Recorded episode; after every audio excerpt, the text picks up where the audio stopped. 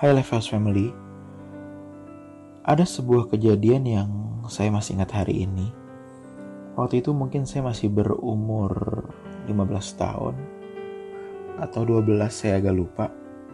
Waktu itu saya sedang berbicara dengan saudara perempuan. Uh, Waktu itu ceritanya saudara saya ini sedang berbicara kalau dia pengen cari jodoh. Kemudian dia ngomong begini sama saya ah saya mau cari Tuhan dulu deh, biar nanti Tuhan kasih saya jodoh.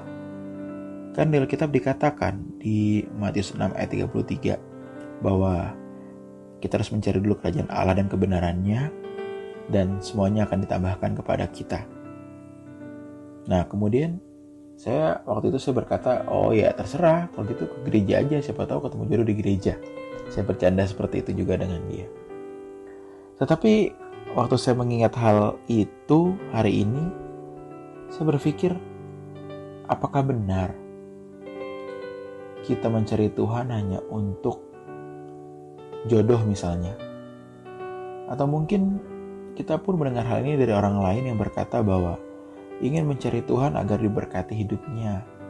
Ada yang mencari Tuhan agar hutang-hutangnya lunas. Mencari Tuhan karena masalah hidup yang banyak dan dengan tujuan agar semua bisa diselesaikan. Tetapi kalau kita baca ayat ini baik-baik, Matius 6 ayat 33 yang mengatakan bahwa tetapi carilah dahulu kerajaan Allah dan kebenarannya, maka semuanya itu akan ditambahkan kepadamu. Kata carilah di sini menggunakan bahasa asli ZTO, yang artinya mencari, meminta, menuntut, berusaha, dan ada satu kata yang menarik, mempersoalkan.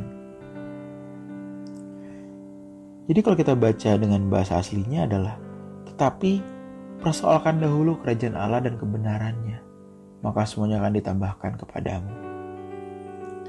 Kalau kita berbicara mengenai mempersoalkan kerajaan Allah, berarti artinya kita mempersoalkan kehendak Allah karena hidup dalam kerajaan Allah adalah hidup dalam pemerintahan Allah. Dan hidup dalam pemerintahan Allah artinya hidup kita dimiliki oleh Allah sepenuhnya. Untuk itu apa yang menjadi kehendak Allah, apa yang menjadi keinginan Allah, harusnya kita lakukan. Nah, bagi orang percaya, hidup dalam keinginan Allah, hidup dalam kehendak Allah, ada sesuatu adalah sesuatu yang mutlak karena itu kalau seseorang sudah hidup dalam kehendak Allah, ia tidak boleh hidup dalam kehendaknya sendiri. Karena itu kalau kita berbicara mengenai kalau kita mau mencari dahulu kerajaan Allah dan kebenarannya, berarti dalam hidup kita tidak ada yang lebih penting selain mencari kerajaan Allah dan kebenarannya. Tentu hal itu juga bisa berarti kalau kita mencari kerajaan Allah. Berarti yang lain sudah tidak kita pikirkan.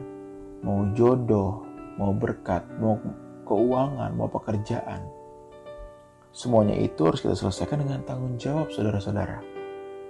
Semua itu harus kita kerjakan dengan baik.